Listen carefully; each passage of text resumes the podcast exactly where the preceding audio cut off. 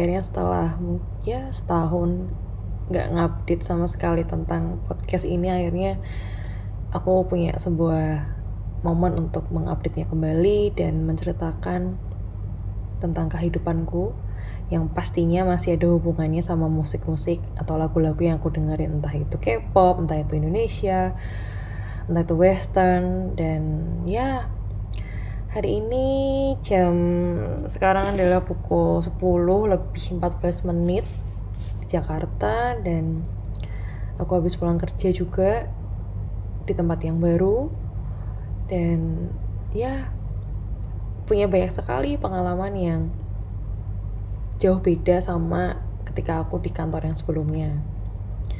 Ya pastinya seperti itu ya. Ketika kamu pindah ke sebuah perusahaan yang baru dari perusahaan yang lama pasti ada beberapa hal yang ya circumstance yang berbeda dari yang sebelumnya. Dan bersyukurnya adalah uh, culture dan circumstance yang ada di sini tuh menurut aku baik lah maksudnya ya yang dulu pun baik yang sekarang pun juga baik. Jadi um, tidak mengalami penurunan tapi juga ya mengalami adanya hal yang lebih baik lah macam seperti itu. Dan sebelumnya sebelum bukannya sebelumnya sih tapi lebih kayak mau ngebahas tentang apa sih uh, momen-momen yang aku lewatin selama 2021 terakhir kemarin sampai di awal 2022 ini. Tapi sebelumnya uh, aku cuma aku mau cerita tentang proses-proses aku pindah nih dari perusahaan yang lama ke perusahaan yang baru. Tentu saja masih ada hubungannya dengan musik yang aku dengerin. Oke. Okay selama 2021 aku WFH di rumah bener-bener di rumah ya. Jadi kan Jakarta itu kan hanya tempat perantauan aja nih ceritanya. Nah aku pulang ke rumah lalu ya kerja dari sana karena memang nggak ada keharusan untuk aku ke kantor gitu kan semuanya dikerjain by remote kemudian juga dikerjain juga malam-malam dari malam ke subuh gitu kan. Jadi ya ke kantor juga nggak ada keperluan yang penting-penting amat gitu kan sih. Sampai akhirnya di bulan Desember 2021 oh bukan di bulan November 2021 akhirnya ada sebuah kebijakan untuk ke kantor. Jadi di Jakarta waktu itu udah bisa WFH 50% ya udahlah akhirnya kembali ke Jakarta bentar kemudian sempat balik sebentar juga. Jadi sempat bolak-balik sih sebenarnya. Sampai akhirnya Desember awal itu udah pas balik bener-bener balik ke Jakarta gitu kan. Dan ternyata ada sebuah kabar yang ya kurang mengenakan sehingga akhirnya uh, memutuskan untuk di bulan Februari tahun ini aku memutuskan untuk resign. Dan selama masa-masa itu um, selama masa-masa selama masa-masa itu ada sebuah grup yang aku dengerin nih. Mungkin untuk beberapa orang yang denger K-pop nggak begitu asing ya. Jadi grup ini adalah D6 jadi D6 ini adalah sebuah grup band real literary band gitu ya. Jadi ada ya ada yang main gitar ada yang main bass ada yang main drum ada yang main keyboard juga. Dan um, dari empat dari lima personilnya itu semuanya penyanyi. Dan so far lagu-lagunya bagus. Kalian mungkin kalau dengerin The Massive atau dengerin Noah ya stage-nya sama lah seperti itu. Dan D6 ini benar-benar menemani selama perjalanan aku sama WFH kemudian juga selama masa-masa akhirnya transisi nih dari pekerjaan yang lama mencari pekerjaan yang baru D6 ini selalu menemani. Seperti itu dan. Ya ada beberapa lagu yang bener-bener kayak gila ya lagu ini tuh kayak kena banget gitu loh. Kayak ada sebuah masa di mana kamu tuh udah nggak tahu lagi nih ini sebenarnya jalan kehidupan tuh mau dibawa ke mana sih? Gitu kan. Karena bener-bener yang ketika Desember itu tahu wah kok kenyataannya seperti ini ya gitu kan. Gue harus pindah nih dari kantor yang lama ke untuk pekerjaan yang baru tuh sebenarnya gue bingung gitu. Karena gue di kantor ini tuh udah mau 8 tahun gitu kan. Dan sesuatu yang udah berjalan ibarat kata seperti menjalani sebuah hubungan selama 8 tahun tiba-tiba kamu di sebuah kenyataan kamu harus putus itu kan kayak kok eman-eman banget ya? Atau misalkan gila ini kan kita udah saling kenal satu sama lain apa sih yang bikin kita harus putus ya? Kira-kira seperti itulah yang gue rasakan gitu kan saat itu.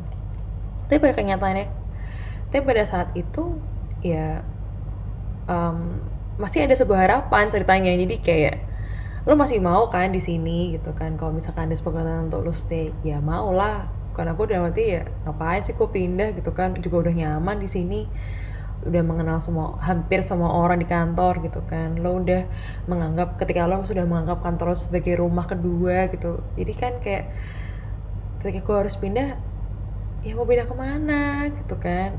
Gue mau ngerjain apa lagi apa gitu kan. Tapi harus sisi sebenarnya.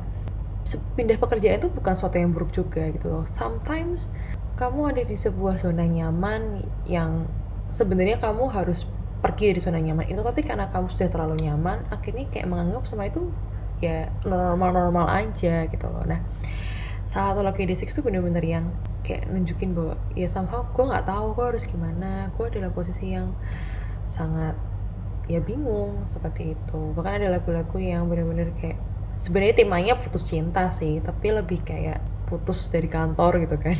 Seperti itu. Ya agak lebay sih sebenarnya menggambarkannya tapi ya itu yang gue rasakan. Sampai akhirnya di Januari pertengahan di minggu kedua ada sebuah recruiter gitu kan dari sebuah perusahaan itu yang jadi perusahaan gue sekarang. Itu menghubungi gue lewat LinkedIn dan dia nanya kita ada job ada job role ini nih. Kita ngeliat profil kamu bagus. Mau nggak kalau misalkan kita ngobrol gitu kan? Dan mungkin dia adalah perusahaan dari mana yang gue nggak kepikiran untuk daftar di sana di mana gue udah belasan perusahaan gue daftar dan nggak ada panggilan sama sekali dan dia recruiter yang tiba-tiba cung datang lalu ngajak ngobrol gitu kan. Dan menurut gue kenapa enggak? Kenapa nggak gue coba gitu kan. Itu bulan Januari 2022 posisinya gue masih masih di Jakarta gue masih kerja di perusahaan yang dulu juga. Karena gue tuh selesai di Februari gue menjalani semua proses itu menjalani dari interview. Interview pertama lolos kemudian lanjut ke interview user. Kemudian dari user ternyata lanjut lagi ke user yang kedua. Dari user yang kedua juga oke okay, dan ada tes yang harus gue kerjakan. Nah di sini sih obstacle jadi gue dapet dapet tes so ada 10 soal sorry ya ada 10 soal. Dan ternyata dalam waktu yang diberikan tuh gue nggak bisa mengerjakan seluruhnya. Jadi ada beberapa hal yang gue nggak bisa kerjain gitu loh dan ada sebuah rasa perasaan yang khawatir karena kok gue nggak berikan yang terbaik ya?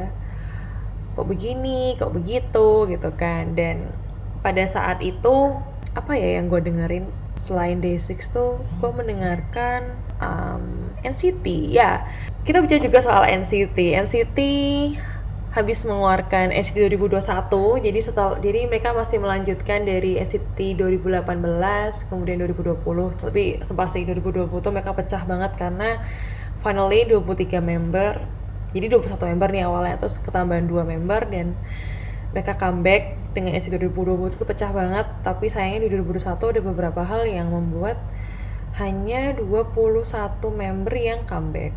Kayak sedih gitu loh maksud aku. Gue juga mengakhiri 2021 dengan sebuah drama yang semacam itu dan grup kesukaan gue pun juga seperti itu. Jadi kayak why? Gitu kan. Dan mereka menghasilkan sebuah lagu yang cukup bagus dan memang di SCT lah gue yang nggak begitu menyi ya. Maksudnya matinya nggak balat-balat tapi ada beberapa lagu yang memang bagus-bagus. Dan mereka ngeluarin um, single universe dan that was so that was so good. And I'm playing it this song for many times. Seperti itu. Dan lanjut. Dan dari proses uh, pre-assessment test ini itu benar-benar kayak lama. Gue nggak ada kabar sama sekali. Seminggu nggak ada kabar.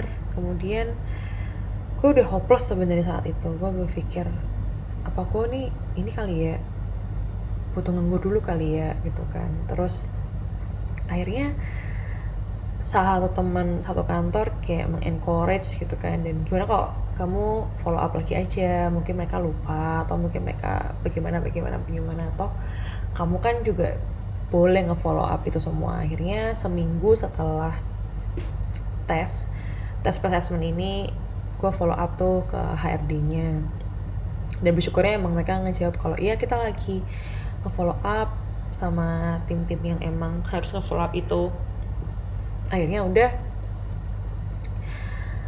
Jadi sejak gue email itu belum ada kabar. Tiga hari setelah gue email gue memutuskan untuk kembali lagi ke pulang. Jadi karena memang gue lagi dalam proses nggak ada kerjaan daripada spend more money gitu kan dan posisinya gue juga gak kerja better I go back and waiting or searching for another jobs maybe. And dan ya sambil menunggu itu gue juga apply di beberapa training webinar itulah untuk gue bisa memulai sesuatu yang baru atau mungkin gue bisa belajar hal baru sembari gue juga apply apply job gitu kan. Dan akhirnya gue memutuskan tanggal 5 Februari gue pulang.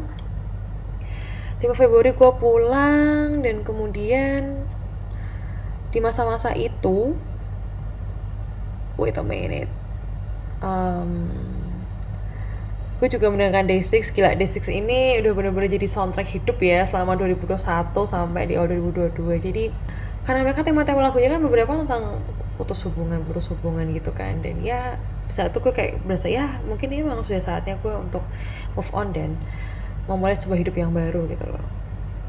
Cuma lucunya adalah ketika gue cerita sama teman-teman gue ketika gue harus resign pindah ke sebuah kantor baru ya mereka nggak memberikan sebuah uh, respon yang kok bisa gitu sih? Kok begitu? Kok udah lama begini-begini. Nggak tapi kayak mereka lebih kayak ya yeah, it's good for you because you were in the comfort zone and maybe this time you when you move you will get the new experience that will get you uh, we will help you to grow. Gitu kan. Jadi memang kayak apa namanya gak ada hal-hal yang buat mereka kayak menyayangkan semua itu tapi mereka justru malah kayak seneng aja gitu. Karena mengenal seorang Ovi yang sangat hidup di comfort zone kemudian harus pergi itu oh mungkin dengan cara ini kamu memang harus dipaksa gitu. Karena sebenarnya udah sejak mungkin sekitar tiga atau empat tahun lalu tuh aku udah berpikir untuk pindah gitu kan. Tapi kayak ah udahlah di sini aja gitu kan. Mungkin ini kali yang disebut dengan ketika ada orang-orang yang menjalin sebuah hubungan dalam perpacaran juga oh udahlah udah tiga tahun pacaran juga ngapain sih putus gitu kan. Sekalipun kita tahu bahwa hubungan ini tuh mungkin nggak ada hal yang bisa di uh, di, di upgrade gitu kan dalam hubungan ini. Sampai akhirnya udah aku pulang. Tiga hari setelah gue pulang gue dapet kabar kalau gue lanjut ke stage terakhir sebelum offering letter. Jadi kayak oke okay, that was so good I was surprised. And ya selayaknya seorang dapat kayak dapat lotre ya gue bahagia ya. Oh ternyata gue masih lanjut dan well gue menjalani trial itu yang di mana ternyata juga bukan sebuah trial tes yang mudah. Ada beberapa tugas yang harus gue kerjakan dan ketika gue mengumpulkan informasi kemudian gue meramu itu menjadi sebuah presentasi itu pun gue butuh waktu untuk bisa um, mendeliver itu semua gitu kan. Dan bersyukur gue punya advisor gue punya tim yang saat itu membantu gue untuk bisa mengerjakan sesuatu dengan baik gitu kan. Hingga akhirnya presentasi itu bisa selesaikan dalam waktu saat dua jam. Oh no no. Dalam waktu tiga jam dan mendapatkan respon yang baik. Seminggu kemudian gue dapat pengumuman gue diterima. Tanggal 25 Februari gue offering letter dan kemarin Senin akhirnya gue first day. Dan ya semuanya itu bukan sesuatu yang mudah. Tapi saya sangat tapi gue sangat bersyukur karena oh ternyata begini ya rasanya untuk move dari sesuatu yang udah lama banget kita jalani setiap hari lo move ke tempat yang baru, ke sebuah culture yang baru dengan mungkin gedung kantor yang baru juga dengan orang-orang yang baru, tetapi sangat bersyukur karena semua orang helpful. Semua orang memberikan support yang luar biasa. Ibarat kata ini supportnya udah kayak 24 per 7 jadi 24 jam 7 hari gitu kan jadi ketika lo mau tanya apa lo nggak ngerti apa mereka sangat bersedia untuk menjawab semua pertanyaan-pertanyaan lo yang mungkin pertanyaan-pertanyaan konyol. Kayak tadi waktu gue pulang dari kantor gue ngobrol sama security nanya pak eh mas di sini tuh ada yang serem-serem gak sih mas? Gitu. Dan gue nyesel sih sebenarnya nanya itu. Karena pada akhirnya gue ketakutan sendiri ketika gue pulang gue takut naik lift gitu ya semacam itu. Dan well um, entah kenapa juga belakangan ini ketika gue sangat happy pun gue mungkin udah jarang dengerin Day6 ya. Mungkin karena not really relate with my life because I'm so get excited and interesting to make my day here. Dan C Park baru-baru ini ngeluarin single baru dan dia fit sama Ayu judulnya Ganadara uh, MV-nya cukup unik. Jadi kayak dia membuat sebuah MV BTS padahal sebenarnya itu ya itu MV-nya emang itu. Tapi kayak seakan-akan kayak dia ceritain prosesnya dia gimana sih bikin MV itu bareng sama si Ayu ini. That was quite interesting quite unique dan responnya bagus. Kalian bisa dengerin tuh di Spotify juga kalian bisa dengerin juga tuh beberapa musik lainnya. Dan so far akhirnya podcast ini malah jadi buat tempat apa namanya promosi lagu ya bukan buat nyeritain gue dengerin lagu apa lalu apa sih yang gue rasain dalam hidup ini. Tapi so far it's okay karena ini bener-bener sebuah cerita yang apa ya sebuah cerita yang gue sangat ingin bagikan aja. Di samping juga ada lagu-lagu yang gue dengerin. Dan mungkin nggak akan sampai setengah jam ke depan ya gue cukup akan sampai di sini aja teman-teman terima kasih yang udah mau dengerin podcastku hari ini berharap uh, ketika aku mau mulai episode ini lagi untuk episode keempat harapannya akan ada lanjutan untuk episode-episode selanjutnya dan berharap uh, akan lebih interested lagi lah ya kira-kira isi podcast ini. Oke teman-teman, terima kasih sudah mendengarkan musik dan hidup. Selamat malam.